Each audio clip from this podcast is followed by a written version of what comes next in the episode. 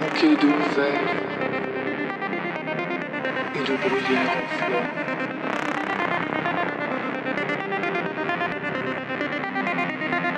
L'éternité